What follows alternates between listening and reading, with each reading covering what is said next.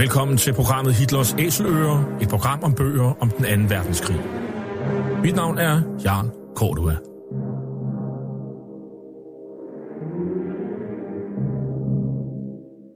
Den anden verdenskrig blev indledt den 1. september 1939 med det nazistiske Tysklands overfald på Polen. Der var tale om en racistisk erobringskrig, der kostede mellem 55 og 70 millioner mennesker livet, og hvor nazisterne systematisk myrdede jøder, romager, slaviske befolkningsgrupper, politiske modstandere og alle andre, der ikke lige passede ind i deres forestillinger om et ensartet folkefællesskab. Nazisterne de blev i årene efter krigen dømt ved krigsforbryderdomstolen i Nürnberg, og flere af deres organisationer, såsom nazistpartiet NSDAP, SS og Gestapo, de blev stemplet som ulovlige forbryderorganisationer.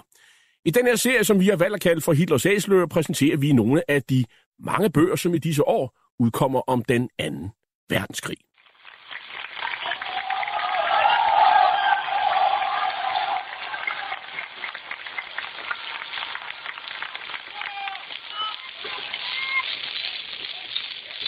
Det er ikke soldaters skik at holde lange taler. Og selvom begivenhederne på en dårlig måde har bragt mig i spidsen for dette korps, er jeg alligevel stolt over at føre den større dansk ungdom, som endelig er sluttet op om handlingen. Manden, vi hører her, er den tidligere kaptajnløjtnant Knud Børge Martinsen, der nu som ss fyrer på denne dag, den 8. september 1942, ved Københavns Hovedbanegård, står i spidsen for et af Danmarks historiens største militære enheder uden for landets grænser, nemlig Frikorps Danmark. Anledningen er Frikorpsets senere så berygtede hjemmeoverlov. Måske er dette hans største øjeblik i karrieren, der dog slutter før krigen er til ende. Martinsen overlever krigen, men ikke det efterspil, der kommer. I bogen K.B. Martinsen, dansk officer og landsforræder, der første gang udkom i 2005 og seneste udkommet på forlaget People's Press, beskriver forfatteren Frank Bø K.B. Martinsens farverige liv og levned. Jeg skal derfor nu, nu byde velkommen til dig, Frank Bø. Du er tidligere kriminalassistent ved Københavns Politi. Nu er, du for, nu er du forfatter, som har skrevet ganske mange bøger om besættelsestiden. Du har blandt andet skrevet om terrorcellen Petergruppen, om de danske fanger i koncentrationslejren Buchenwald, om interneringen af politiet den 19. september 1944, og om de dødsdømte danskere, der blev henrettet efter krigen. Det er jo tydeligt med alle disse værker på, på banen, øh, Frank, at du jo har en, øh, en stor interesse for besættelsestiden. Øh, men hvorfor en bog om, øh, om Kobe Martinsen? Ja, hvorfor en bog om Kobe Martinsen? Det er sgu egentlig et meget godt spørgsmål. I virkeligheden så bryder han ligesom linjen af de folk, som øh, vi ellers kender som landsforrædere. Han øh, var en så sær en figur og så speciel, så jeg synes, han fortjente sin egen fortælling. Du kalder ham øh, dansk officer og, og landsforræder på i, øh, allerede i, i overskriften, altså i bogens titel her. Og det sidste, det vil han jo nok ikke være enig i. Nej, men jeg vil ikke tænke mig at spørge, hvad han synes. Altså, han var jo landsforræder, altså per definition. Fordi? Ja, det var han, fordi han øh, meldte sig til tjeneste i Waffen-SS, og øh, på den måde, kan man sige, som krigen gik. Altså, havde tyskerne vundet krigen, så havde han jo været en held. Men nu tabte de krigen, og så blev han per definition landsforræder. Man kan vel diskutere, øh, øh hvem der var landsforræder i starten af krigen. Det, den, den debat skal vi vel ikke ind på her, men, men øh, vi må sige, at han meldte sig til tjeneste, og ikke fordi han var nazist fra start af, men fordi han var havde kommunismen om en hals. Og så fik han jo lov til at den siddende regering til at melde sig til, til tysk tjeneste. Vi kunne starte med hans, hans opvækst. Den er sådan, i hvert fald på overfladen sådan forholdsvis øh, normal. Nej, det synes jeg jo ikke. Ja, han var en særlig dreng fra start af. Levede i et, et forholdsvis trygt miljø i provinsen. Det er det, jeg mener. Ja, hans mor var måske en lille smule manio-depressiv, vil vi nok kalde hende i dag. Ikke? Og der er ingen tvivl om, at det er smittet af på drengen. Han har fået nogle, han har fået nogle gener af sin mor. Han øh, var specielt fra start af. Han var nem, let, let at omgå, umådelig flink og rar. Men så havde han nogle sære sider i sit eget sind. Han, øh, han magtede ikke rigtig problemstillingen både og. Han opererede fuldstændig med problemstillingen enten eller. Og hvis øh, tingene ikke var, som han ville, så var der noget andet. Og han lyttede hele tiden efter folk, som var, synes han selv, klogere end ham selv, og måtte vide mere på grund af deres alder. Og det giver altså nogle besynderlige valg i hans liv. Altså han er autoritetstro? Ja, fuldstændig. Er det noget i forhold til faderen måske? Nej, for faren har han ikke rigtig noget. Øh, faren var en radikal tænker, og i øvrigt... Øh, altså i, i betydning radikale ja, politisk, venstre? Ja. Po- politisk Så altså politisk moderat? Ja, det vil man sige, og, og, og, og blød og undvigen og konfliktsky og sådan nogle ting. Og det var lige nøjagtigt det modsatte af, hans søn. Vil man sige, at K.B. Martinsen er en, det er en ret velbegavet ung mand, vi har med at gøre? Ja, han er umådeligt godt begavet. Det er der slet ingen tvivl om. Men han har nogle, som, som jeg sagde før, nogle sære sider. Han, han ender jo med at blive officer i hæren, men, men det er omvej. Ja, det gør han, fordi han øh, egentlig er, er der... Han, starten af hans historie er egentlig meget spændende. Han melder sig til spejderkorpset. Han bliver gul spejder i Roskilde, og det er noget, der griber ham, også fordi, at der, han, øh, der kan han blive en førerskikkelse. Og når han skal være en førerskikkelse, så fordi, han har den opfattelse, at alt, hvad han giver sig i kast med, der vil han ikke bare være god, men han vil være den bedste.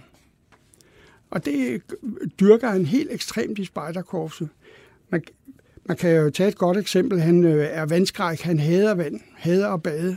Og alligevel så tvinger han sig selv til at få en svømmelæreruddannelse som spejder. Han bliver også livredder, og det bliver han, fordi han ved, at de andre drenge øh, gerne vil bade, og derfor så har han, føler han som pligt, som leder, tropsfører, eller hvad han nu er, at kunne svømme, svømme godt og være livredder, så han kan redde dem, hvis der skulle ske noget.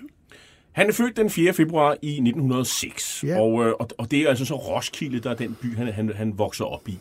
Ja, øh, og, øh, men øh, på et tidspunkt, så øh, kommer han i gymnasiet? Ja, han kommer aldrig i gymnasiet. Han kommer i, øh, han kommer i øh, realskolen. Ja. Øh, og, og han ønsker, han, han klarer sig rigtig godt. Altså skolemæssigt, der er han jo blandt de bedste, og han klarer sig godt. Men han har en tysklærer, der på et tidspunkt, i et øjebliks vanvid, siger øh, til hele klassen, som også KB Martinsen sidder i, og siger, der er ingen af jer, der efter min opfattelse er egnet til at komme i gymnasiet. Og alle andre er jo ligeglade, hvad en eller anden halvåndsvag tysklærer siger. Ikke? Men for KB Martinsen, så nej, det er en tysklærer, det er en veluddannet mand. Og hvis han siger, at jeg ikke er god nok til gymnasiet, så er jeg ikke god nok til gymnasiet. Jeg må søge over, og jeg, jeg må klare mig med en real eksamen. Men han ender med at tage et studenterkursus. Og... Ja, det gør han, fordi han fortryder jo, og hans mor påvirker ham meget til at, at søge nu, hvad du har lyst til, og hun vil godt have en student i familien som den første. Og så begynder han at, at læse på Københavns Universitet, efter han ja, har fået studentereksamen. det gør han. Han starter med, at han vil godt være, han vil godt være, have en skoleembedseksamen, ikke? for han vil gerne være øh, lærer, og han specielt det der med, at han vil godt være lærer for drenge og føre dem på den rette vej og, og være den her førerskikkelse. Men skifter så... Øh, øh, skifter lidt oprindeligt ville han være dyrlæge, men han kan slet ikke, han kan ikke rigtig tage studentermiljøet. Han starter med, med at, at læse dyrlæge i Landby ja. Højskolen, og så ja. ender han med at læse øh, på det humanistiske fakultet, ja. øh, og så er det engelske i hovedfag og franske bifag. Ja. Og så ender han jo til sidst med at søge ind i hæren for at blive soldat. Og der finder han jo sin, sin rette hylde. Så grunden til, at vi skal høre om det her, det er jo sådan mere, jeg tænker på, det er jo en, en, en ung mand, der er sådan øh, meget usikker på sig selv, virker det som. Ja, altså øh, han... Øh, det, det har han givetvis været, og så har han under voldsom påvirkning af sin mor. Det er der ingen verdens tvivl om. Så den her evighedsstudent, han ender så med at komme på, øh, ind i hæren, og det, det går bare forrygende for ham. Ja, det gør det. Hvorfor? Ja, det gør det, fordi han er øh, blandt de bedste, i, og det er jo hans natur. Han vil være blandt de bedste. Han arbejder fuldstændig uhemmet på hele tiden at blive den bedste til alting. Og øhm, det er jo en, øh, sådan en type lægger man jo mærke til i, i, i en organisation som hæren. Ikke? Og så er han velbegavet. Han kan også de teoretiske fag, øh, og, og derfor så bliver han klart udtaget til... Han, det viser sig jo, at han kan ikke komme på herrens officerskole af den simple årsag, at det er en, en øh, sproglig studentereksamen, han fik. Men så, går han, så bliver han det, der hedder øh, han, han bliver studiekadet, ikke? og det vil sige, at han læser så ved siden af øh, den matematik, han skal bruge, og bliver med en fin karakter, og bliver rullet direkte ind på officerskolen ude på Frederiksberg. Når vi så nærmer os, så skal man sige, øh, slut 30'erne, der er han jo sådan set i, i, i fin, han får nogle pæne karakterer i, øh, øh, som, som officer, og han ender med at komme på et øh, generalstabskursus, og det er jo, gør man vel kun, hvis man, øh, hvis herren synes, at her har vi en, en, en usædvanlig velbegavet øh, øh, øh, officer, som vi kan bruge til noget. Ja, du er, det, det har du fuldstændig ret i, og han bliver jo... Og det, det overrasker ham ikke, at han bliver øh, taget til generalstribskursus, for han ved udmærket godt selv, at han hører til blandt de bedste. Ikke? Og han, en, en sjov ting er jo, at, at da han jo slutter øh, herrens officerskole oprindeligt, ikke, øh, så hører han til blandt toppen af årgangen. Mm. Og det betyder dengang i hvert fald, at så kunne man vælge regiment. Og han kunne have valgt Livgarden, der var pladser i Livgarden, men han siger selv, nej, jeg er ikke høj nok, der ønsker jeg ikke at være. Så han valgte andet regiment. Ikke? Øh, han kunne godt se sig selv, at med den højde, han havde, kunne han ikke blive den skikkelse, han gerne ville være, hvis han kom i Livgarden. Så han vælger et øh, infanteriregiment. Ikke? Hvordan, hvordan øh, har han det med de, med de menige? I, øh, fordi han er jo øh, i diverse uddannelsesbataljoner, det er jo alle officerer på det her tidspunkt, og der er en masse værnepligtige, så hvordan har de det med ham? Jamen, han har det jo godt, og jeg gør jo på et tidspunkt det, øh, at øh, jeg henviser til den forholdsvis kendte forfatter Finn Søborg, som jo i sine egne erindringer skriver om K.P. Martinsen. Ikke? Han øh, havde ham jo, og den her pacifist øh, har jo kun ros til overs for K.P. Martinsen som en utrolig god leder, som en utrolig lojal leder, og som tog så meget af personale. Men han var også en hård banan, ikke? Men det var sådan en, man simpelthen godt kunne lide, og han vil jo passe ind i enhver forsamling af unge mænd.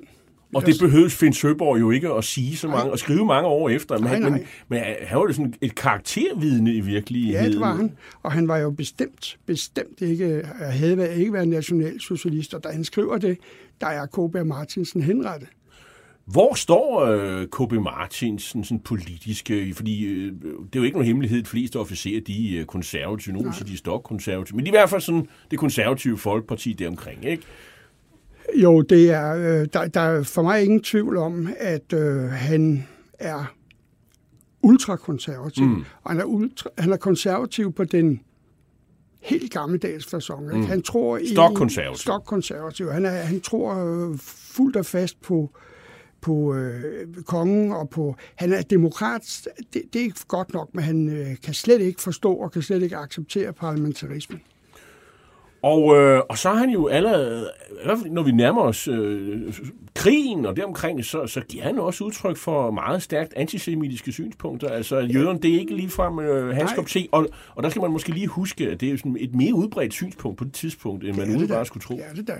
Der opererer man jo også her i Danmark med lærte folk, der arbejder med racehygiejne og sådan noget. Ikke? Det var slet, slet ikke ukendt. Og, og for, for hans vedkommende, der, øh, jeg ved ikke, hvor meget han egentlig giver udtryk for det, men han tror jo på den her gudgivende lederfigur, mm. som vil alt godt. Ikke? Han øh, interesserer, skal du ikke glemme, i den her forbindelse meget for filosofi også. Han får familie? Han bliver gift, ja. Og de får to børn? Ja. Og, øh, og den 9. april 1940, der, øh, ja, der, der oplever han jo, øh, skal man sige, besættelsen af, af Danmark, og, og det mens han er på kursus. Øh, hvordan reagerer han? Jamen, han øh, er... Øh, han mener jo i virkeligheden, at altså, hele det politiske establishment, og øvrigt også herrens ledelse, helt kollektivt begår landsforræderi. Ikke? Han sidder ude på herrens officerskole øh, den morgen, hvor, hvor de tyske tropper kører forbi ude på Roskildevej, lige ude forbi, ikke? Og, og han ser, at mens han, øh, mens han sidder derude, uden egentlig at blive orienteret om noget som helst, og som sagt, øh, kampen er forbi, ikke? Den har varet i nogle få timer, og der er, har de været nødvendige tab, ikke? 16-18 danske soldater slået ihjel, og så overgiver vi os. Og så sidder han derude, mens hans, øh, de yngre klasser derude danser lancier. Han kunne slet ikke komme over det simpelthen, vel? Og så kommer han jo med den idé, at han vil øh, sådan, øh, indrettet Frederiksberg Slot, øh, hvor officerskolen jo holder Ja, til, ja. øh, til en stor befæstet pindsvinestilling, øh, Ja. hvor eleverne så skulle kæmpe til sidste mand og sidste patron mod Ja. besættelsesmagten. Ja. Øh, Og det, det var altså seriøst forslag, øh, som, han var sådan, stod sådan rimelig alene med, skal man så hele tiden sige. Ja, ja. Øh, men, men det siger jo lidt om øh, skal man sige, de radikale elementer, der bor i ham, kan man sige. Øh, Altså ja. han går sådan... Øh, han har... Øh, altså fanatismen. Ja, det har han jo, og så mener han jo, at, at en ægte dansk mand selvfølgelig hellere vil dø i kamp, end at overgive sig. Øhm, og, men, men det får den konsekvens, at han jo umiddelbart efter jo melder sig ind i det nazistiske parti, DNSAP, og han bliver jo fuldt af en række øh, officerskammerater, som går på det samme kursus, øh, blandt andet den senere så kendte oversætter øh, Mogens Bøjsen. Ja. Øh, det skulle man ikke tro. Han, melder, han skynder sig at melde sig ud i løbet af krigen og ind på den rigtige side, men ikke desto mindre, de, de er de mange, de flere, som, som melder sig ind i, øh, i nazistpartiet. Hvorfor? Ja, det var jo sådan, at øh, specielt i den generalstabsklasse, han var i, der var, den var egentlig delt op i to halvdele. Den ene, og det diskuterede man jo meget naturligt nok også på, en, øh, på et generalstabskursus. Den ene halvdel var angelsaksiske og synes, at englænderne gjorde det godt, selvom de var i fuld sving med at tabe, kan man sige, på den tid. Ikke? Øh, og den anden halvdel var voldsomt imponeret af tyskernes måde at føre krig på. Og der, dem hørte han jo til. Men det er jo også sådan, og det- skal vi jo ikke glemme, at han jo i dagene efter besættelsen spekulerede på, at han kunne ikke få nogen til at dele. Den pinsvindstilling, det var sgu hans eget projekt. De andre sagde, nej, den troede jeg nu ikke, de ville være med til. Og vi skal jo heller også tænke på, at de næste to-tre år fungerer her jo fint under den tyske besættelse. Ikke? Men så havde øh, øh, KB nogle idéer om, at han så ville tage til England, melde sig til den engelske her, og så bekæmpe besættelsesmagten udefra. Men der er en lille detalje, som øh, måske vi skal have med her, det er, at han jo er med i den her internationale folkeforbundets internationale styrke, man har nede i Pyrenæerne. Og dernede, sammen med andre danske officerer, der udvikler han en helt ekstrem had mod øh, øh, socialismen. Helt ekstrem had. Og det er jo borgerkrigen, vi, vi taler den spanske borgerkrig, er hvor han er det. observatør. Ja, og han øh, hader simpelthen øh, øh, kommunismen. Og det siger sig selv som en, en, en, en super konservativ mand med de der radikale holdninger, han har. Der kan man jo slet ikke akse. Altså noget som øh, proletariatets diktatur, det, det, kan slet ikke, det kan han slet ikke rumme ind i hovedet. Vel? Og hans sympati, de lå måske hos Franco i virkeligheden. Er det, er det, er det Ja, det, for meget? det, det, ved vi, det ved vi faktisk ikke noget om. Okay. Men han har familien med dernede, Ja. og, og de nyder faktisk øh, det, det sydfranske. Øh, Ja. øh, og han befinder sig ret godt dernede, og, og han taler jo også fransk, øh, og, Han taler og, og fransk, læser fransk, og det får han jo glæde af, når i, ja. i fangenskabet sidenhen, ja. hvor han nu læser franske bøger og så videre. Men han blev også engageret i, i, i nazistpartiet, og, øh, og det ser, ser man første gang, øh, og i, hvor han jo ligesom træder frem i offentligheden, det er jo, at øh, øh, DNSAP holder jo en mindeappel den 17. november øh, 1940, hvor man jo ender med at stå foran den lille hornblæser, den her statue, der står på Rådhuspladsen, og, øh, og der holder han jo faktisk tale. Det får jo altså nogle konsekvenser, fordi han øh, optræder i uniform, Ja. og øh, han bliver idømt noget, der hedder kvartersarrest, ja. som er sådan en militær straf, man får, øh, og, og og, øh, og det hele ender med, at han bliver indbragt, øh, indbringer dommen for byretten. Det er jo sådan, der er noget militær øh, juridisk system, og så er der noget civilt. Og, øh, og de stadfæster jo så den her dom, han har fået, og, men han ender jo så aldrig med at afzone den. Ja. Men hvorfor får han den her øh, straf, som han i øvrigt synes er enormt uretfærdig?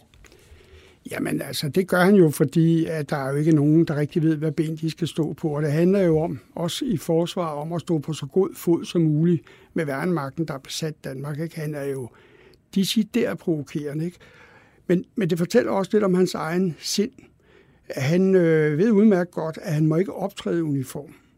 Det, det må man ikke i politiske sammenhænge på den tid i hvert fald. Men han gør det alligevel, fordi han viser, at han er militærperson, og han er modstander af kapitul- kapitulationen. Ikke? Men på den anden side, så har han jo rodet sig lidt ind i den nationalsocialistiske bevægelse, ikke? uden at tænke det igennem.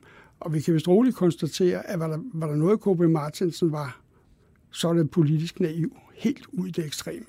For hvordan kommer man fra at ville kæmpe til sidste patron den 9. april på Frederiksberg, ja, til pludselig at øh, stå og, og melde sig ind i nazistpartiet og, og ved nogle lille hornblæser og, og hylde det øh, politiske projekt?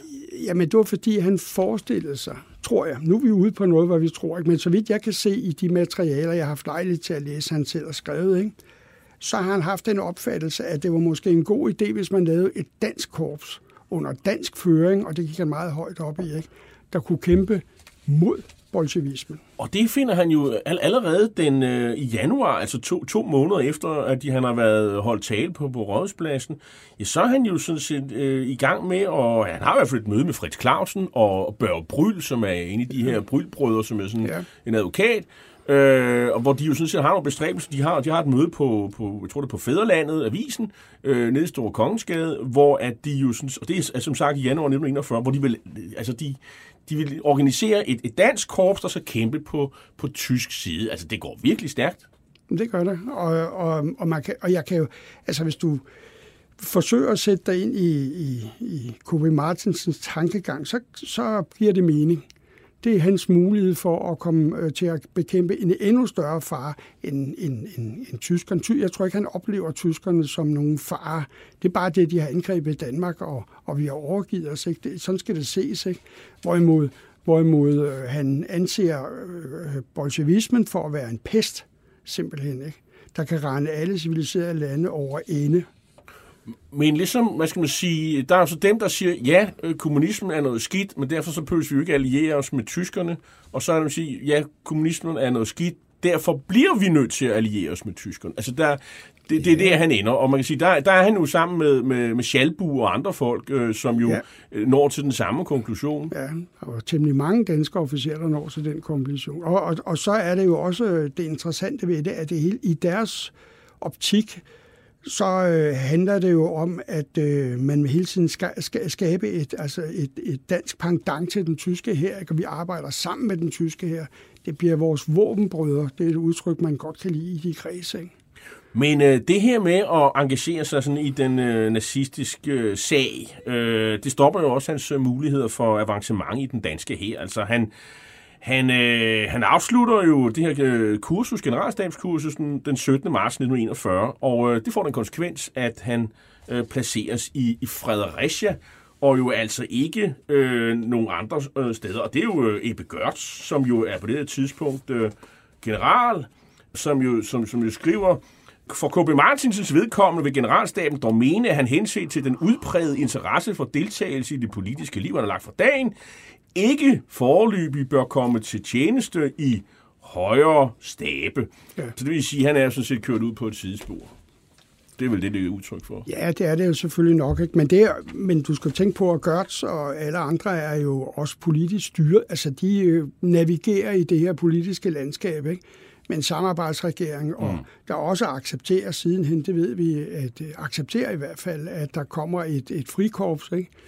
Øh, og i, i det hele taget, så bevæger han sig i et, i et felt, han slet ikke har nogen forstand på og, og indsigt i, og alt for firkantet i sin opfattelse til at navigere øh, som politiker. Ikke? Så han har slet ikke blik for, at det her øh, kortslutter hans politiske, nej. eller han, hans øh, militære karriere, i hvert fald i den danske her. Jo, men han vil jo, nej, han, er, han tror vel nok i virkeligheden på, som jo øh, øh, den daværende krigsminister, som det hed, lovede ham, ikke? eller lovede alle, der meldte sig frivilligt, at når de kom tilbage efter at have vundet krigen ikke, i Rusland, så ville de opnå den samme rang i den danske her, som de havde erhvervet i tysk krigstjeneste. Ikke? Altså, der er ingen tvivl om, at der viser han, udviser han en helt fantastisk naivitet. Ikke? Han søger i hvert fald om, øh, om overlov i et år herefter, og, og dermed så kan han træde uden for nummer, som det hedder, for, for i stedet indtræde i, i Waffen-SS allerede den 23. april 1941, hvor han jo får rang af Hauptsturmführer. Det svarer vel til kaptajnløjtnant, eller kaptajn i vores dage, og det vel lige præcis her, han blev landforræder. Ja. Øh, han indtræder i Waffen-SS. Altså, det vil jeg jo så sige i... i, i øh, men, men Ja, det gør han vel, men det er jo stadigvæk med accept af hans egne politiske chefer, ikke? Altså mm. krigsministeren, ikke? Og, og den øvrige regering vil. Man accepterer simpelthen. Og så kan det godt være, man siger bagefter, at man hver må vide, at vi gjorde det under mm. pres og sådan noget. Men det er jo, det, det er jo en, en lidt underlig debat, og den fungerer slet ikke op i K.B. Martins. Men i juridisk, og i mange danskers øjne, i hvert fald en senere juridisk ja. vurdering, og i mange danskers øjne, så er ja. det her, han bliver landsforræder. Ja. Familien de bosætter sig i Roskilde, og så tager uh, Martinsen jo ellers på Junkerskole i Bad Tøls, det nede ved Nürnberg omkring Bayern. Ja. Og uh, de får hurtigt tilbud om at komme til første SS-brigade, fordi når han kommer derned, så finder han ud af, at de kan faktisk ikke rigtig lære ham noget nyt. Han er, han er simpelthen overkvalificeret. Og så ryger han til første SS-brigade, og så er han jo sådan set med uh, ved angrebet på Sovjetunionen 22. juni 1941. Og, uh, og de ting, han oplever, det, det ved vi jo ikke så meget om, men... Uh, vi ved, at der bliver den, de enheder, de er omkring, altså der, der, de begår krigsforbrydelser allerede. Ja, øh, sommeren og, og efteråret 1941 på, på, den, på den jødiske befolkning, men også civilbefolkning. Hvad ved vi egentlig om, om, hvorvidt Martinsen har medvirket eller set det? Ja, det ved vi faktisk ingenting om, og mm. det er ikke noget, han, han lægger ikke skjul på selv, at han er der. Og han er jo det, de, som tyskerne kaldte bandebekendte, er i, i virkeligheden bag fronten og, og bekæmper øh, guerillabevægelser og lommer af russiske tropper, som, er, som man har kørt forbi og sådan noget. Og så, så er der også alle de her ubehageligheder med at henrette både russere, men selvfølgelig også jøder i stort tal. Og vi ved, at i de enheder, han var, han var der sammen med tre danske officerer. De var tre danske officerer, der blev sendt til første SS-brigade. Ikke? Og vi ved jo i hvert fald, at i den periode, han var der, der blev der slået hen imod 50.000 jøder ihjel. Og det er jo helt naivt at tro, at det ved han ikke noget om. 26. august 1941, øh, der får Martins besked om at rejse til Hamburg for at medvirke til opstilling af Frikorps Danmark.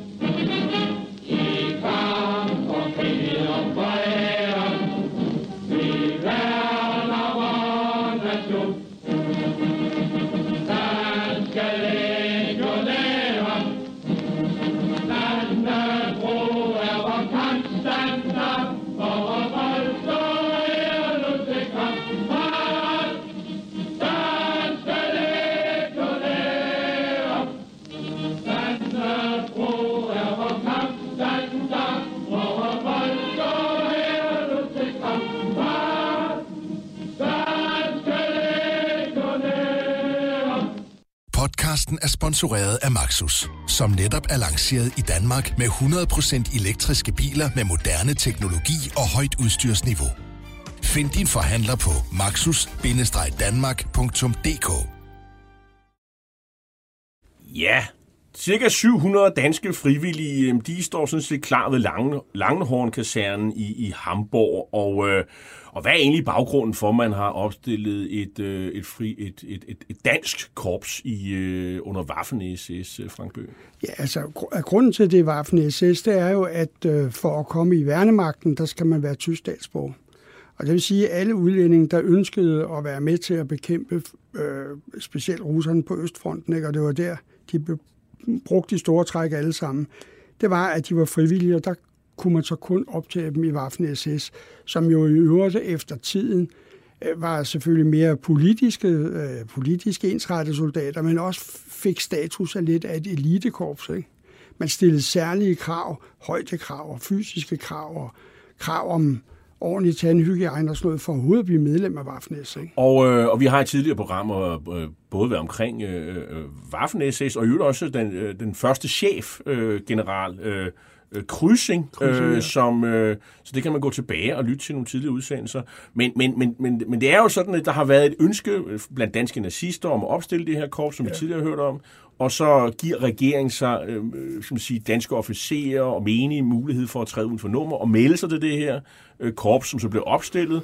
Og, øh, og det, specielt de danske nazister havde store forventninger til, til at det, det skulle ligesom være et kæmpe stort dansk bidrag, og så skal man diskutere, om det, om det bliver. Øh, og nu skal de jo altså, hvad skal man sige, øh, øh, enkadreres, de skal ligesom uddannes, før de bliver sendt til, til, til Rusland. Og det er så øh, Martinsen, han bliver så chef for andet kompani, han bliver kompagnichef, og bataljonen bliver så flyttet til Treskav, det er det nuværende Polen, hvor de bliver motoriseret. Det er faktisk den danske stat, der stiller skal man sige, lastbiler og motorcykler og den slags til rådighed, og så træner og forbereder de sig i øvrigt på, på krigsindsats. Øh, meget hurtigt så, så mister Krydsing jo styring med frikorpset, og, og sidenhen kommandoen, og så overtager Martinsen 23. februar 1942 ledelsen i en, øh, en kort periode, indtil at, at Schalburg ankommer 1. marts 42. Og, øh, og, og Schalburg og, og, og Martinsen, øh, de kommer jo fint ud af det med hinanden. Ja, det gør de. De har jo samme opfattelse, de har samme virkelighedsopfattelse, ikke?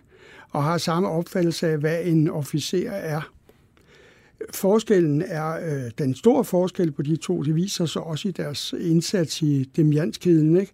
at øh, at øh, Martinsen er i virkeligheden en bedre uddannet soldat, ikke? og han har, øh, han har et stort... Øh, han har et stort talent for at sikre folk så meget, som, som man nu kan i en krig. Ikke? Hvorimod øh, von Schalburg øh, løber man halv vind og med hovedet under armen ud i de mest vanvittige situationer og får slået utrolig mange. Altså Martinsen er den der konservativ forsigtig, der prøver på at skabe overblik ja. og, og lade være med at udsætte folk for unødig risiko. Ja.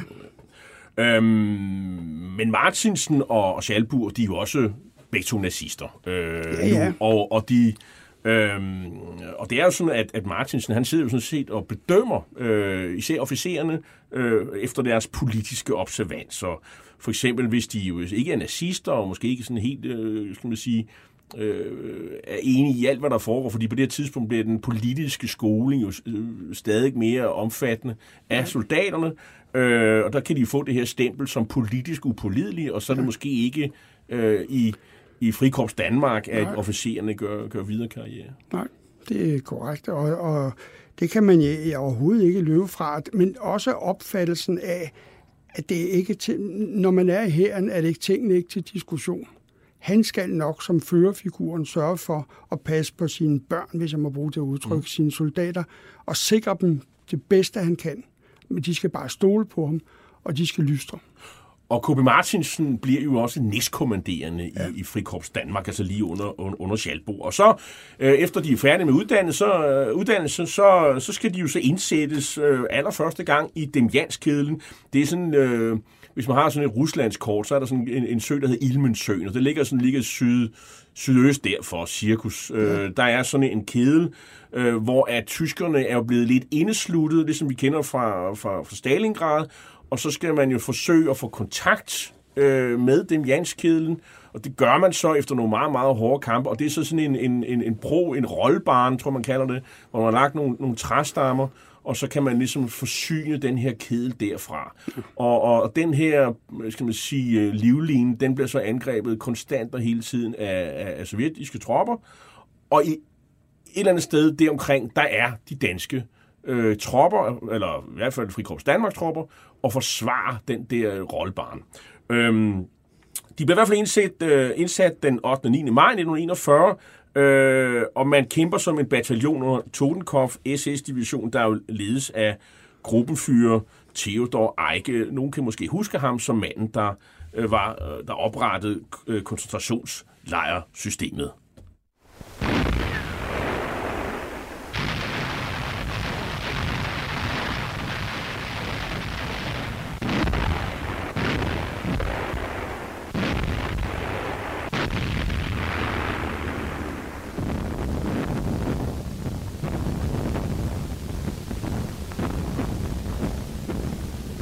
Den Löchern und Gräben unmittelbar am Feind trotzt die harte Kampfgemeinschaft unserer Soldaten dem immer wieder anstürmenden Feind. Im Widerstandswillen des Einzelkämpfers, des Gruppenführers und Zugführers liegt oft die Entscheidung für einen ganzen Abschnitt. Hier belohnt ein Kompanieführer die besondere Leistung eines Gruppenführers durch die Auszeichnung mit dem Eisernen Kreuz erster Klasse. Ja, krigen hærder mændene i skyttehullerne, og der deles masser af, af jernkors ud, som vi hørte her i, i den tyske urevy. Øh, og det sker sådan set også til, til mændene i, i Frikorps Danmark den her sommer 1942. Øh, de er jo meget plaget af, af myg, Frankbø. Det, det er jo et, et sumpområde, som man næsten ikke kan forestille sig. Der, der elsker myggene at, at være, og når der så er lige over det hele, øh, så de rigtig kan hygge sig, så er det endnu bedre. Og hvordan klarer korpset sig militært og i de her, den her meget mærkelige øh, skal man sige, øh, situation, de er i? Jamen, Frikorps Danmark øh, klarer sig faktisk godt og er nævnt adskillige gange i de tyske herrebefalinger for, for, for deres indsats. Og, og det viser sig, at, øh, at, at Frikorps Danmark øh, får hurtigt ryddet af at være øh, rasende dygtige folk på slagmarken, knap så civiliseret, kan man sige, på i kasernemiljøet. Ikke? Men, de, men de er gode, og, og, og både von Schalburg, men også øh, de øvrige officerer, der er i, øh, i, i frikorpset, jamen de bliver jo dekoreret alle sammen, og holder virkelig russerne stangen mange steder. Deltager i utrolig masser af slag, og, og klarer sig egentlig godt, og har også store tabstal. Det må man sige. Og, øhm, men, det, men det er ligesom øh, øh, tror jeg egentlig, at den, det har man sagt, jamen det er prisen for at være øh, soldater, det er prisen for at være krig. Ikke? Så det er ikke det, man klager ret meget over. Men, men øh, korpset mister jo så mange folk, selvom der bliver tilført nye folk. Det skal man jo ikke glemme. Øh, at... Øh, og, og, og, og holde fast i kæden, da man laver jo et udbrud, som du vil på et tidspunkt. Øh, for man kan ikke... Øh, kæden er cirka på størrelse med et område på størrelse med Fyn, og det er en bundløs sump simpelthen, ikke? Af, af træ og mudder og ting og sager, og der, det kan man bare ikke holde, og man bliver smidt ud af, af kan man sige, fronten rykker sig, og set i, i, i, i kampen op, øh, om, om, om Rusland, kan man sige, Øst, Østfronts, der er det jo et mindre, det er jo ikke nogen af det, man taler om, øh, øh det er ikke noget, man bruger meget energi på, øh, øh kæden det, der hedder Demjanskæssel. Det, det gør man altså ikke. Det er bare et slag, men, men selvfølgelig for dem, der er på stedet, er det jo helt usædvanligt og råt og modbydeligt. Ikke? Og man skal forestille sig, at det, det, der er vand over det hele, ja. og øh, og man skal passe på, hvor man træder, øh, fordi ellers så synker man i. Der er en situation, jeg tror, det er et muldyr, de har, ja. og sådan, hvor, hvor den simpelthen får overbalance, og så ja. vælter det ned. De ser aldrig det muldyr øh, øh, længere. Øh, hvis man træder på linje, så kommer der en, en, en, forfærdelig dunst ud. Ja, ja. Øh, og det er en helt ubeskrivelige øh, detaljer, som er med i bogen. Alene den grund kunne man jo læse den, øh, øh, den bog, Frank. Øh, så det, det, det er nogle meget specielle øh, forhold. Og så det her med, når granatnedslagene, det bliver sådan bare sådan et plump. Ja. Og så kommer der sådan, øh, fordi øh, altså, det, det er sådan noget øh, bundløst døn, ja. som de synker ned i. Så det, ja. det er meget specielt øh, terræn, man, man ja. kæmper i. Øhm, øh, Schalburg, han falder jo 2. juni 1941, ja. og, øh, og så tager Martinsen over der. Og Øh, han er jo barsk fyr, Martinsen, fordi øh, på et tidspunkt, så, så, så, så er der nogle hårdt såret, og de, skal, og de er på tilbagetog, og der, der bor der, han siger, vi skyder dem. Ja, men det der egentlig øh, passer meget godt, nu taler vi om covid det passer meget godt til hans opfattelse, ikke? og jeg har jo selv talt med en af de folk, som blev beordret til det, ikke? Og, og, og alle stivner, alle siger, det kan bare ikke passe, men man vidste og havde stor erfaring for, at hvis såret specielt folk fra Waffen-SS faldt i russernes hænder, måske meget forståeligt, så blev de tortureret ihjel simpelthen. Ikke? Og, og der findes adskillige billeder af, som, som cirkulerer de kredse om, hvordan det så ud, og hvordan folk øh, døde på, på den façon. Ikke? Og derfor så siger von Schalburg til sig selv, jamen hør her, det skal mine folk, de skal ikke gennemgå de lidelser. Vi kan ikke redde dem alligevel, så derfor så får de et nådeskud. Nu sagde du Schalburg, men det er, det er altså ja, Martinsen, der, der, Martinsen. Der, ja, ja, Schalburg, Schalburg er død på det her tidspunkt. Ja. Han, øh, han klarer sig godt som leder under de ja, her meget hårde kampe, ja. og, og ofte når, når situationen er kritisk, der er flere situationer, hvor han jo sådan set bevarer roen, øh, selvom alt er i kaos. Ja. Og øh, så han fremstår jo som en, en leder, der virkelig kan tage øh, vanskelige beslutninger under hårdt pres. Ja. Øhm, og man siger jo om Schalburg, det var Schalburg, der ankom til frikorpset med et navn, men det var Martinsen, der skabte sig et navn, i hvert fald blandt frikorpsets folk, og han er vældigt. Jamen, det er han meget vel, og han, har en, en, han er jo langt væk fra den preussiske officerstype. Ikke? Mm. Han er dus med folk, ikke? Han drikker og... bajer med dem og drikker sig fuld med dem, men man er aldrig i tvivl om, hvem der er, der er lederen og hvem der bestemmer. De er dus, altså både officerer ja. Og, øh, og menige. Ja, det altså, skaber jeg han. gik var i den danske her i, i slut 80'erne, der var vi altså dis med, Ja, men, med, med øh, alle. Men, men der er jo også den store forskel, at når du lever et sted som i dem Janskæden, ikke? så er formerne ikke særlig vigtige. Men det er vigtigt, at, at man ved, hvem der er førende, hvem der fører, og føringen af tropperne er i orden. Og man har den her grænseløse tillid til ham, siger de folk, der har været der. Altså man troede på ham, u- u- uanset hvor mange der blev slået ihjel, så troede man simpelthen på hans ordre var de bedst tænkelige og de rigtige. Schalbo, han, øh, han er jo væk, og, øh, og Martinsen har jo kommandoen i en kort periode. Men det bliver ikke ham, der får den. Det er en, en tysk officer, der hedder Letor Forbæk. Han tager over den 9. juni, men det går, der går ikke ret lang tid, så er han også væk. Øh, han er simpelthen øh, død på, på slagmarken. Øh, og det skaber vel lidt bitterhed hos øh, Martinsen, Ja, at han sådan bliver forbigået igen. Ja, det gør det. Og, det, er- og, og måske er det også fordi, at, at der er ingen tvivl om, at K.V. Martens også var kendt i tysk officerskreds, og han blev det i hvert fald, ikke? som en rasende dygtig mand i, i, i, på fronten. Ikke? Men det var ikke en, man kunne tage med til pænt brug. Vel? Fordi Ja, fordi han havde et sprog, og så i øvrigt havde han kig på alle de andre øh, officerskoner, hvis han kunne komme til det, og han var fremme i skoene hele tiden, ikke? og lidt øh, grov i, i sin væremåde. Han, var, han havde jo ikke den elegance, som man synes, man skulle have, når man var officer. han løb med fremmede damer, og han Det var gjorde drik- han. drikfældig, fuldstændig ligesom Schalburg øvrigt. Ja, 21. juni så bliver han korpskommandør og udnævnt af Himmler til Sturmbannführer. Ja. Og 25. juni bliver frikorpset afløst efter tre måneders kampe. Ja. Øh, det, man har 130 faldende og 700 såret. Her er 300 hårdt såret. Og hårdt såret, det er jo sådan noget med, at man har mistet måske arme og ben. Øh, Øh, resten de lider, lider af sumpfeber og hudsygdom, og der har været udbrud af plettyfus. Ja. Det er ikke nogen feriekoloni, de har været på. Nej. Det kan vi roligt øh, slå fast. SS de var faktisk bekymret for, at, om, om værvningen i Danmark øh, kunne fortsætte, fordi hvis nu korpset blev helt udslettet, det er jo ikke sådan, det er jo ikke, der er jo ikke sådan, øh, hvis man har udsigt, udsigt til at, at, at, at omkomme, øh, så er det måske ikke der, hvor man ligesom øh, kan overtale nogen til at, at, at, at, at prøve lykken med, med, med frikorps Danmark. Nej, men hvis vi, tager, hvis vi smutter lidt op i helikopterhøjde, og så nu ved vi jo alle sammen, hvordan det går mm. med frikorps, og vi ved, at, men vi ved jo også, at øh, i store træk, øh, helt tilbage til, eller frem til slaget om Berlin, ikke, hvor øh, danskere, hvor der stadigvæk er danske frivillige med, ikke, der øh, regner man med, at der er omkring 6.000 dansk, det vil sige, danskere næsten fyldt en hel division, en halv division i hvert fald. Ikke? Så der bliver ved med at komme frivillige.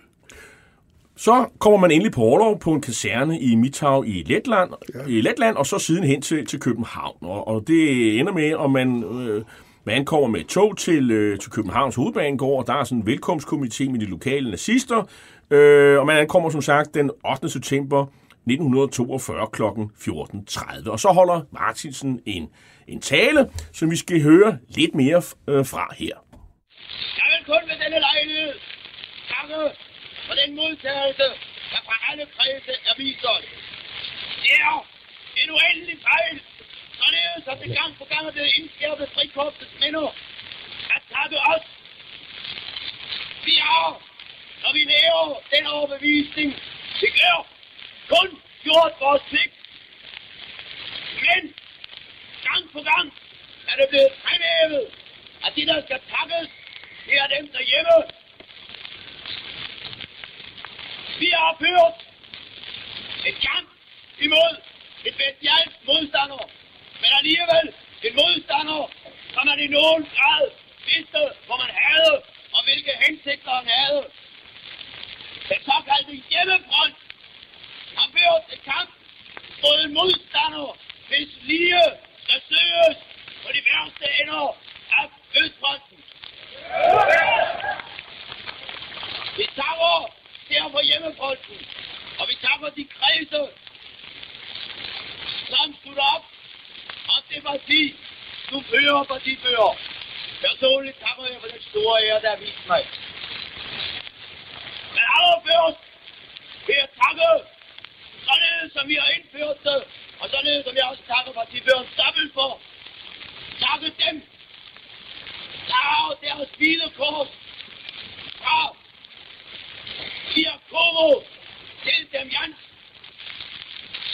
Og i det, de tænker på alle de 121 kors, så kalder vi en speciel hilsen til fru Schalburg. Ja, øh, og på stedet, der står jo også general Ebbe Gørts, øh, mand, der ligesom har kortsluttet øh, Martinsens karriere tidligere, og han skrider fronten øh, af, og det er ligesom det officielle Danmark, der ligesom skal øh, anerkende, at man, at man nu er, er hjemme. Og, øh, og hvor, hvorfor er... Ja, korpset skal selvfølgelig have overlov, men der er jo også andre formål med, at, at frikorpset er i, øh, i Danmark. Jamen altså, jeg tror, den primære, den primære grund til det er, fordi det er et nedslidt korps, altså med voldsomme tab og med mange syge. Det, det skal, og det siger man også fra tysk side, det skal have overlov nu. Det skal i en hvilestilling, og, og så skal det reorganiseres. Der skal også nye frivillige til, ikke? Det vil sige, man skal også værve nye folk, ikke? Og det kaster øh, Martin sig ind i det arbejde, og han turnerer jo. Ja, ja, fordi han synes jo selv, at det er en god idé, og han synes selv, at, at øh, nu viser vi øh, fra Danmarks side, at nu har vi gjort en indsats i Rusland. Vi kan, vi kan være med. Men korpset bliver jo sådan øh, modtagelse af, skal man sige, af, i Danmark. Det, det er jo, du siger, det er meget blandet. Jeg vil sige, det, de fleste danskere, de vender jo ryggen til det. Men der er jo også nogen, der, der, der hylder den. Danske nazister, for eksempel. Jo, det er der da. Og, og så er der selvfølgelig dem, der ikke har nogen politisk opfattelse, som bare synes, det hele ser meget flot ud, og klingende spil, og går gennem byen, og Ja, altså, jeg har ikke nogen virkelig viden om, og jeg tror faktisk ikke nogen, der ved rigtig noget om, hvordan og stemningen var. Den var visse steder, der var der mange, der hejlede, og andre steder var der folk, der råbte. Men de kom jo i slagsmål. Jamen, det var ikke, det var ikke til selve paraden. Det var efterfølgende. Men det er jo fordi, at, at hør nu her, folk, der har oplevet og levet i Rusland på den måde, alle bliver jo overrasket over, at de ikke bliver bedre modtaget. Det mm. tror jeg. De tror selv, de kommer hjem og bliver modtaget som helte og, og, og, og hyldet, og, og, og det gjorde de jo ikke. Martinsen, han fortæller jo øh, om en øh, Københavns Svejer, det er dem, der kørte på sådan en bud, ja. der kørte rundt på cykel, øh, der, der mente, at det var mærkeligt, at den her hest, han red på, Martinsen, fordi at, øh, at røvhullet sidder på ryggen. Øh, ja. øh, det er Københavnervid, der kommer til sin ret her, og, og, så han havde jo noget selvironi. Øh. Selvironi, han havde meget, og hans datter fortæller i øvrigt, at han elskede at fortælle den historie, når han var hjemme på overlov. Ikke? Og øvrigt er den ikke helt korrekt, fordi øh, svejeren, eller hans egen fars udlægning var, at han red på en besynderlig hest, der havde to røvhuller. Det ene sad, hvor alle andre røvhuller sidder, og så havde han en røvhul oven på hesten. Ikke? Det synes Skobbe Martin selv var en afsindig morsom historie. Man kommer i hvert fald sted igen til Veliki Luki, ja. et andet sted i Rusland, og der ankommer man den 5. december 1942, hvor man bliver underlagt første SS-brigade. Hvad, hvad skal man lave der, Frank? Jamen, der er, det er, de kampe, der er derovre, er simpelthen almindelige afværgekampe, fordi det går skidt. I 42 allerede vinteren er slået til. Alle er blevet overrasket over, at det er vinter i Rusland, men det, det er der jo historisk kendskærning, Folk bliver altid overrasket over landets størrelse, og så den vildskab, der er i vinteren. Og, og der er man der, og det ligger stille, og der er heller ikke så voldsomt mange kampe. Nok til, at der bliver slået halv hundrede ihjel, ikke? og såret en masse, og russerne mister i tusindvis af mennesker også under de kampe. Det er lidt hverdag. Ja. I øh, januar 1943, der går rygterne om, at frikorpset bliver nedlagt, og, og der kommer så et nyt pansergrenaderregiment 24 Danmark, som blev oprettet senere på året, nemlig den 6. maj. Hvorfor nedlægger man frikorpset? Jamen det gør man, øh, det gør man faktisk, øh, fordi man indser i Tyskland, at de, der, der har jo været forskellige frikorps, altså fra besatte lande og enheder, som har meldt sig frivilligt, så laver man frikorps. Der har været hollandske og sågar det engelsk har der også været. Og, og, og man finder ud af, at de små korps, eller eller Frikorps Danmark, der i virkeligheden ikke er i regimentstørrelse, men i bataljonsstørrelse, ikke? at de opererer dem med under 1000 eller måske 1500 mand. Ikke? Under alle omstændigheder, hvis, de, hvis man skal bruge dem i føringen, så skal de kobles på en division. De skal kobles på alle de andre enheder, der er. Og det dur ikke. Og derfor så siger man, nu laver vi det om til et regiment, altså der hedder Regiment Danmark. Man laver et regiment Norge. Man laver i øvrigt også et regiment, der hedder Niederland. Og så får man sin egen panser, øh, panserregiment, der hedder Hermann von Salsa, og så laver man Division Nordland, som består i virkeligheden af nordiske frivillige. Så det vil sige, de tyske, de rene nationale enheder, det er noget, tyskerne ja. dropper nu. Ja. 18. februar 43, der møder Martinsen faktisk selveste Heinrich Himmler, og, ja. og Martinsen han er imod nedlæggelse, og han ønsker, men han ønsker mere fart i værvningen, fordi han mener ikke, at det er noget øh, DNSAP, altså de danske Nej. nazister, dur til. Og, og Himmler, han er sådan næ, næsten enig i det, så han, han, han mener, at Martin skal, Martinsen skal oprette et dansk SS-korps, med henblik på værvning, og det skal foregå via noget, der hedder Germanische Leitstille, der laver op på Vesterbrogade i Parcelhuset. Ja. Øh, hvad skal det her korps foretage sig? Jamen, det er et værvekorps. I virkeligheden så er hele funktionen med det, det er, at øh, man kan have nogle tåget opfattelser af, tror jeg, at det kunne være grundstenen til den her, som skulle være i Danmark, når, når tyskerne havde vundet krigen. Martinsen han har møde med Ekskevenius og med Udenrigsministeriets direktør Niels Svendingsen om, om, om oprettelsen af, af korpset. Det her, der senere går hen og bliver Schalburg-korpset. Og, ja. Så det har jo stor bevågenhed fra de allerstørste politiske ja. figurer på det tidspunkt. Ja. Det har det, og, og man kan undre sig over i dag. Men hvis du kigger i erindringslitteraturen, så ser du finder ikke ret meget om dem. Af de politikere, der har besluttet det, gør du altså ikke. 18. februar 1943, der bliver Martinsen udnævnt til Obersturmbannführer, altså Oberstløjtnant. Han tror selv, han skal være ny chef for det her regiment 24 Danmark, men det bliver så igen en tysker, Graf von Westfalen. Martinsen han bliver kun bataljonschef. Regimentet er underlagt 3. Panserkorps under SS-gruppenfyrer Felix Steiner. Igen en skuffelse. Ja, altså, ja, altså ja, det har det jo været. Altså, han er jo troet han er jo troet, at han kunne, men han var tysker, og det siger sig selv, at man har, præferencen er jo selvfølgelig øh, tyske officerer, ikke? Og, og, og sådan har det været. Han bliver bataljonschef, han bliver bataljonschef i første bataljon, hvor man beholder øh, frikorpsets standard, ikke? Og sådan noget, og, og det må jo være godt nok til ham, ikke? Men han, har, han er jo ambitiøs. Han ville skulle da være regimentschef, ikke? Og min er jo selv, at han også skulle forfremmes. Og alle danskerne, der var i var jo enige med ham. Men igen, tyskerne, de synes, han har en for hård livsførelse. Det er drikkeri, ja. og, og, og han er en horbuk, ja. øh, og et, i det hele taget et dårligt eksempel for danske officerer. Øh, han ryger afsted med, med frikorpset, med regimentet til Jugoslavien, ja. altså regiment Danmark er det ja. jo så nu, ja. hvor man under hårde kampe øh, bekæmper partisaner med stor brutalitet. Den tyske øverstbefalende erklærer Danmark krig. Jeg proklamerer derfor i henhold til artiklerne 42 til 56 i her- og landkrigsordningen den militære undtagelsestilstand i hele Danmark. De danske soldater er krigsfanger. 29. august 1943, der bliver den danske hær afvæbnet, og det tager hårdt på, på Martinsen, Frank ja, det gør det. Han sysler med tanken om, eller siger åbenlyst, at han øh, vil gerne ud af Waffen-SS, og så vil han gerne tilbage til Danmark og interneres med sine officerskolleger. Ikke? En fuldstændig forrygt idé, ikke? som der er jo nogen, der hopper på den, vel? Men det er jo typisk en, en, en reaktion, som øh, den er typisk K.B. Martinsen, ikke? Altså, jeg vil ikke finde mig i det. Jeg vil ikke finde sig det politiske rænkespil, som man kalder det. Han er stejl, han er vanskelig, han ja. protesterer i et brev til Germanische Leitstelle, ja. og, øh, men alligevel så bliver han jo så chef for, for Schalburg-korpset. Øh, han bliver hjemkaldt fra Jugoslavien, og så kommer han ikke mere i krig herefter. Øh, øh, Hvorfor er det ham, der blev chef for Schalburg-korpset?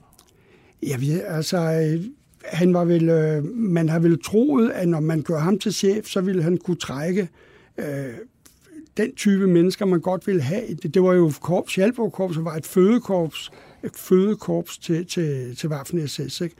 Det var dem, der skulle sørge for, at der var rekruttering, som man kunne sende videre til Waffen-SS.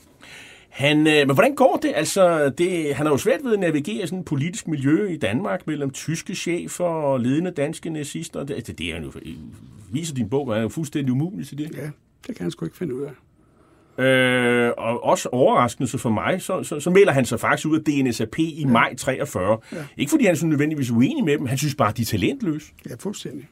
Og så skal du, en, en ting, som man skal være meget opmærksom på, det er, at han, det han tror på, det er den øh, tanke, som er vokset op i Waffen-SS om, at det er jo der, der uddannelsen til fremtidens leder er.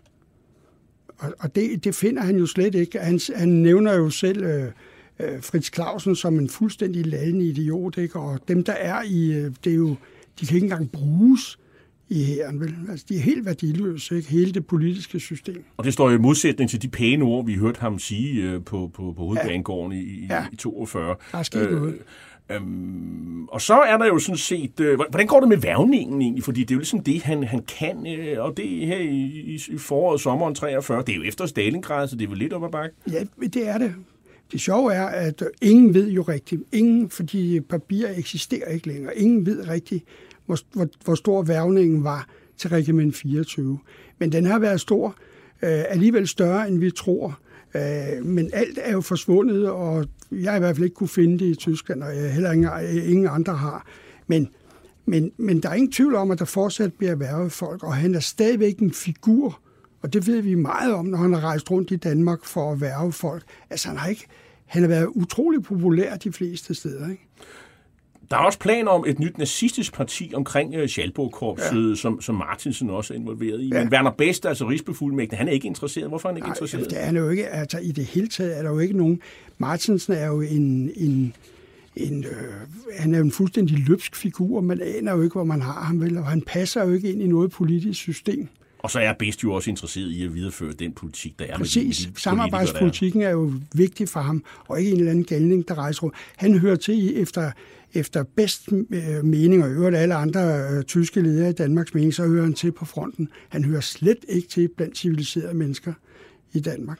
21. september 1943, der flytter Schalburg-korpset til Frimurolosens bygning på Blejdomsvej i København. Ja. Men der skal han så dele lokaler og magten over korpset med Paul Sommer fra noget, der hedder Folkeværnet. Og det går også galt. Altså, ja. han kan ikke med Sommer. Og, øh, og så må Best jo intervenere øh, til gang for, for Sommer.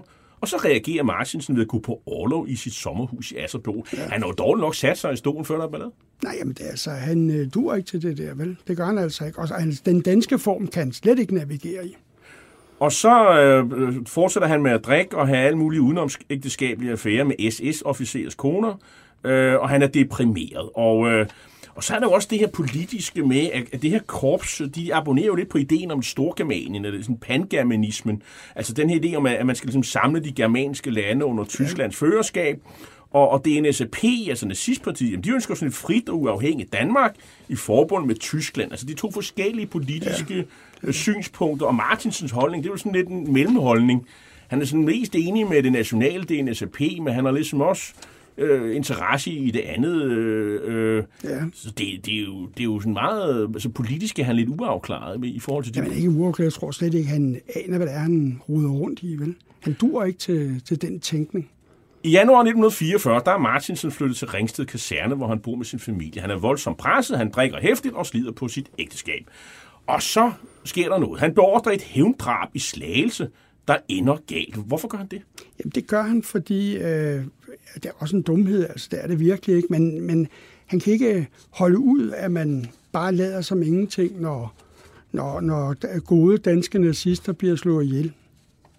Og derfor så i et øjebliks vanvid, så siger han, så må vi, så må vi straffe det her, og, vi må, og han sender nogle betroede folk ud for at slå, om jeg så må sige, for at lave det her drab. Og de skyder en læge, Robert Viholdt, den 16. Ja. januar 1944, og det er jo sådan helt forkludret og meget ja, mærkværdigt. Men, øh, men han tager jo ansvaret for det. Jamen, det, når du tænker på, når du ser, hvem det er, han sender ud, ikke? Ja, så tror man jo nærmest, det er løgn. Ikke? Altså, man tænker, det kan jo, hvad fanden har han tænkt sig her? Ikke? Men i øvrigt så viser det sig, når man kigger lidt ind i det, han har ikke sendt nogen ud. Han har bedt om, at det skal effektueres, og der skal gode folk på sagen. Og så sender man en, en, en, en, en gammel øh, hvad hedder det, advokat, og hans egen oppasser, som er en rest fra...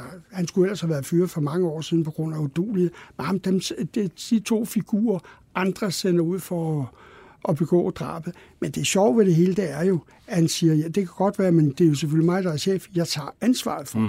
Men det er det, der får ham til at blive henrettet efter krigen. Sammen med øh, en anden meget bizarre historie, der handler om, at han jo øh, den 4. marts 1944 henretter sin kones øh, Elisabeths elsker, formodet elsker, må vi jo sige, øh, en, en Fritz von Eggers, øh, og det sker jo på grund af, af påstået faneflugt. Øh, hvad, hvad, hvad forestillede Martin sig i forhold til, hvad han kunne, sådan, kunne tillade sig? Altså, øh, der, der er jo ikke nogen sådan, øh, egentlig retssag, og hvad, hvad, hvad havde... Men, altså... men han, han, øh, tager jo, han tager jo hele tankegodset med fra fronten, den tager han jo med ind i Schalburg-korpset, ikke? Og, og, og det er der jo diskuteret meget, og det findes der masser af materiale om. Han siger, som korpskommandør, så kan jeg lave en standret på stedet, og hvis det er fanflugt, så kan jeg idømme dødstraf. Og det fastholder han konsekvent, at det kan han. Hvorimod tyskerne siger, ah, vi har jo en SS-domstol i København, det er jo dem, der skal gøre det. Ikke? Det ender jo med, at han øh, stille og roligt øh, øh, øh, taber indflydelsen over Schalburg-korpset. De piller det ene øh, og det andet fra ham. Øh, ja. Og han, han er faktisk imod clearingdrab, øh, men det, det bliver sådan ikke rigtig over, øh, det bliver sådan overhørt. Og han har ingen kontrol over for eksempel Petergruppen, altså, Nej, slet ikke. Øh, som er sådan en terrorgruppe. Altså, han er sådan egentlig på det hold med, at vi skal, vi skal lave noget vold, men vi skal ikke sådan gå rundt og slå folk ihjel. Øh, så han er egentlig ikke sådan øh, hissig på den måde. Øh, og, og, og, og bedst er jo, er jo vred, fordi det får nogle politiske konsekvenser, når, når de er sådan ude af, af, af kontrol. Og, og det jo ender med, at han jo bliver for frataget det ene eller andet øh, ansvar, og, øh, og rager uklar med øh, de, de ledende tyskere øh, i Danmark. Øh, det sker blandt andet under et øh, stiftende møde for et nyt nazistisk parti, der hedder National Samling, den 7. august 1944 i Otfellow-palæet. Øh, der, der skælder Martinsen øh, sådan hæftigt ud på, på, på, på navngivende tysker. Han kalder dem for sumpgermanerne og, ja. og, og går helt vildt over stregen og, og udsætter sig jo for angreb. Og der bliver han jo mål for en intrige for de her magtfulde tyske fjender.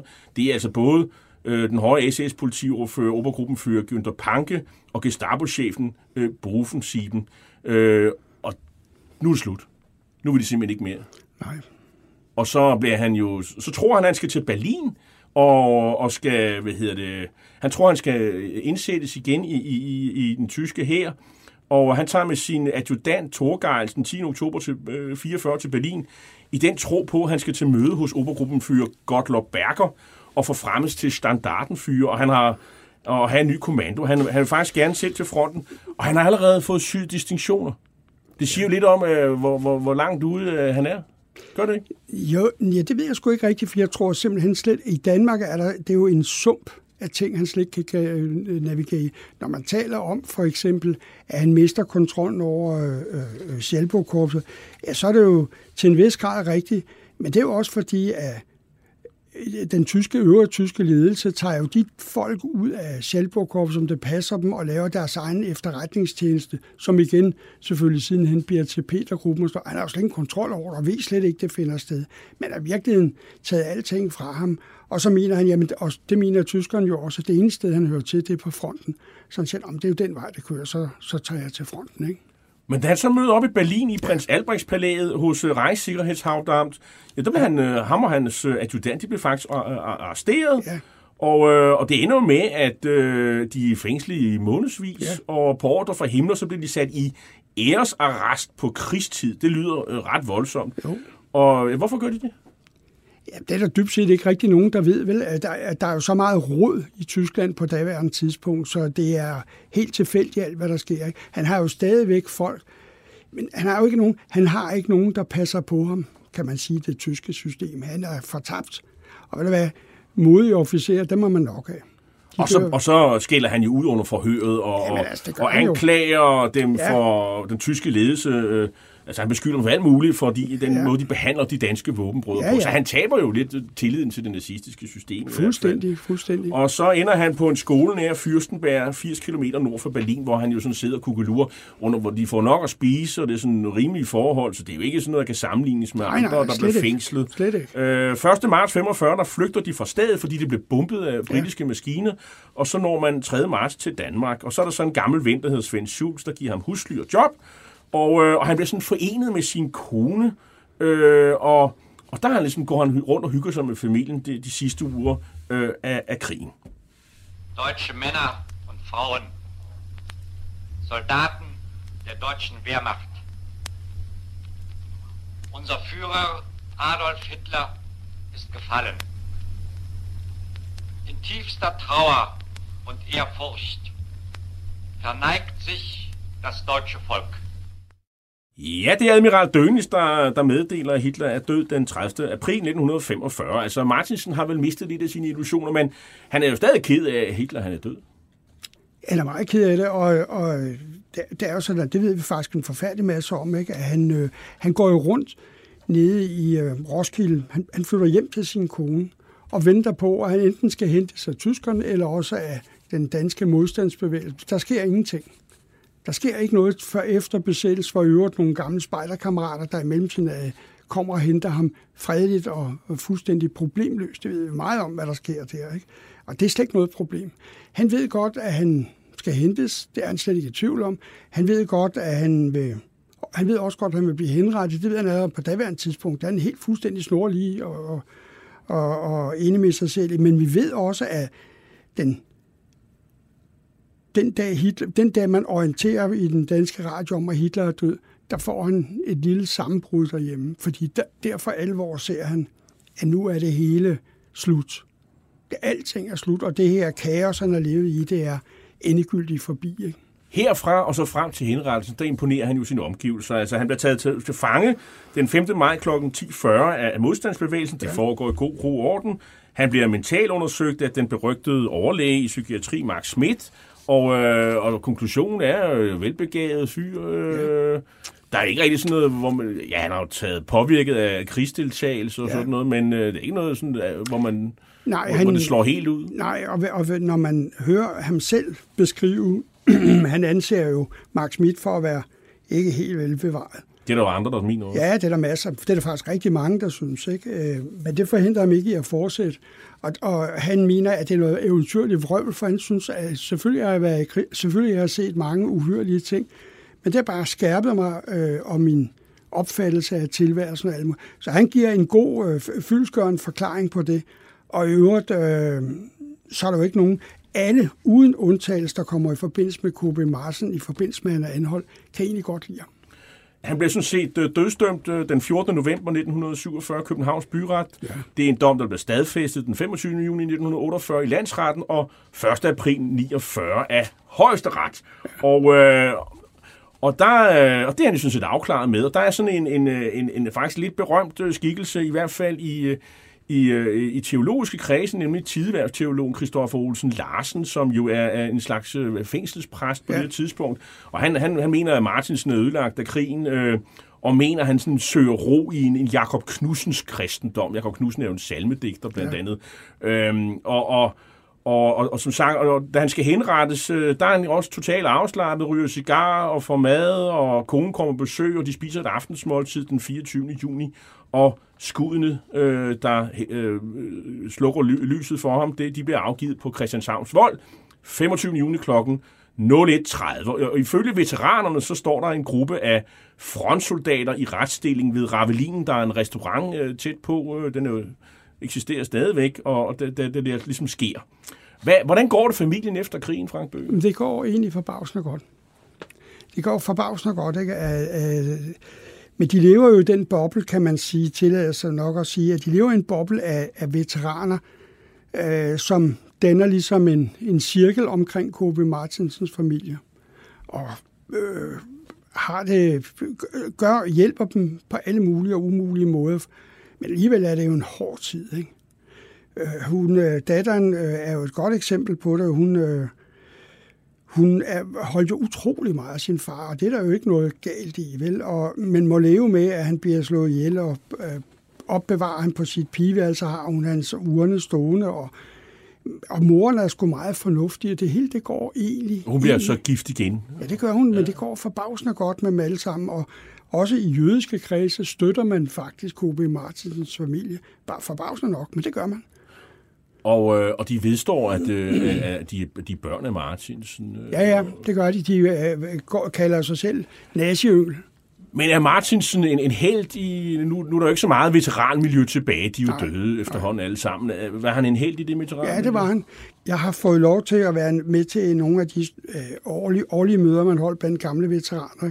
Og K.B. Martins, man kunne, ligesom alle andre sammenhænge, hvor øh, gamle pensionister kommer, ikke, så øh, har man nogle forskellige opfattelser. Der er mange, der ikke kunne lide øh, den ene, og de kunne ikke lide den, men alle var enige om, at K.B. Martinsen, han var nu noget særligt. Men det var et spildt liv. Øh, han var antisemit til det sidste, det øh, selv efter at man havde ja, ja. kendskab til, til, til, ja. til krematorieovnene. Øh, og han jo, som sige, han fik drog nogle konsekvenser af sine, af sine øh, politiske synspunkter. Tror du, det kunne være gået anderledes med, med Martinsens karakteregenskaber? Nej, tror jeg ikke. Jeg, altså, han havde talt, kurs mod katastrofe? Det, det tror jeg, og selvom Tyskland havde vundet krigen, var det aldrig gået godt. Altså, det, øh, han havde sin egen dagsorden, og den kørte han fuldstændig snorlige efter. Jeg tror slet ikke, han var... Når du ser på den måde, han opfører sig på de sidste timer, han lever, og jeg har fået lejlighed til at læse det sidste brev, han skriver nogle få timer før han blev henrettet.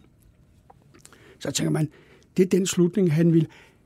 De fleste af øh, dem, de, hans gamle kammerat, soldaterkammerater, siger, at de ville ønske, at han var død, død, hvor han var slået ihjel på fronten. Det havde været, det havde været en værdig afslutning for ham. Tak skal du have, Frank Bø, fordi du kom her i dag og talte med mig om bogen. Øh, din bog, K.B. Martinsen, dansk officer og landsforræder, der senest er udkommet på forlaget People's Press. Hitlers æsler er slut for i dag. I teknikken sad Josefine M. Hansen, og jeg hedder Jarl Cordova og er vært og tilretlægger programmet. Du kan genhøre dette program og de andre programmer i serien via berneske.dk-podcast eller på Podimo. Måske faldt Martinsen til ro i en Jakob Knudsensk kristendom, som tidligere Kristoffer Olsen Larsen øh, mente. Så derfor så kunne vi jo passende slutte dagens program med hans mest kendte salme, Se nu stiger solen, med musik af Oluf Ring, her i en ny version med Danmarks Radios pigekor og sangeren Lav Højen. Tak for i dag.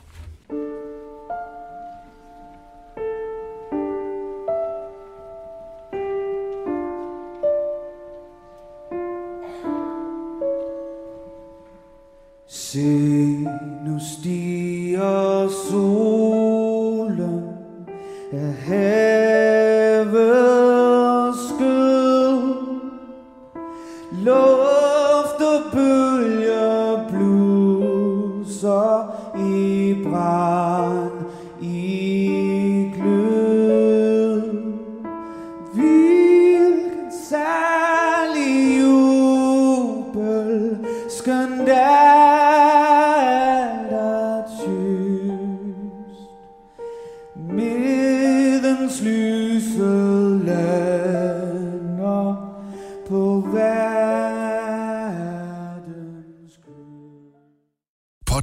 er sponsoreret af Maxus, som netop er lanceret i Danmark med 100% elektriske biler med moderne teknologi og højt udstyrsniveau. Find din forhandler på maxus-danmark.dk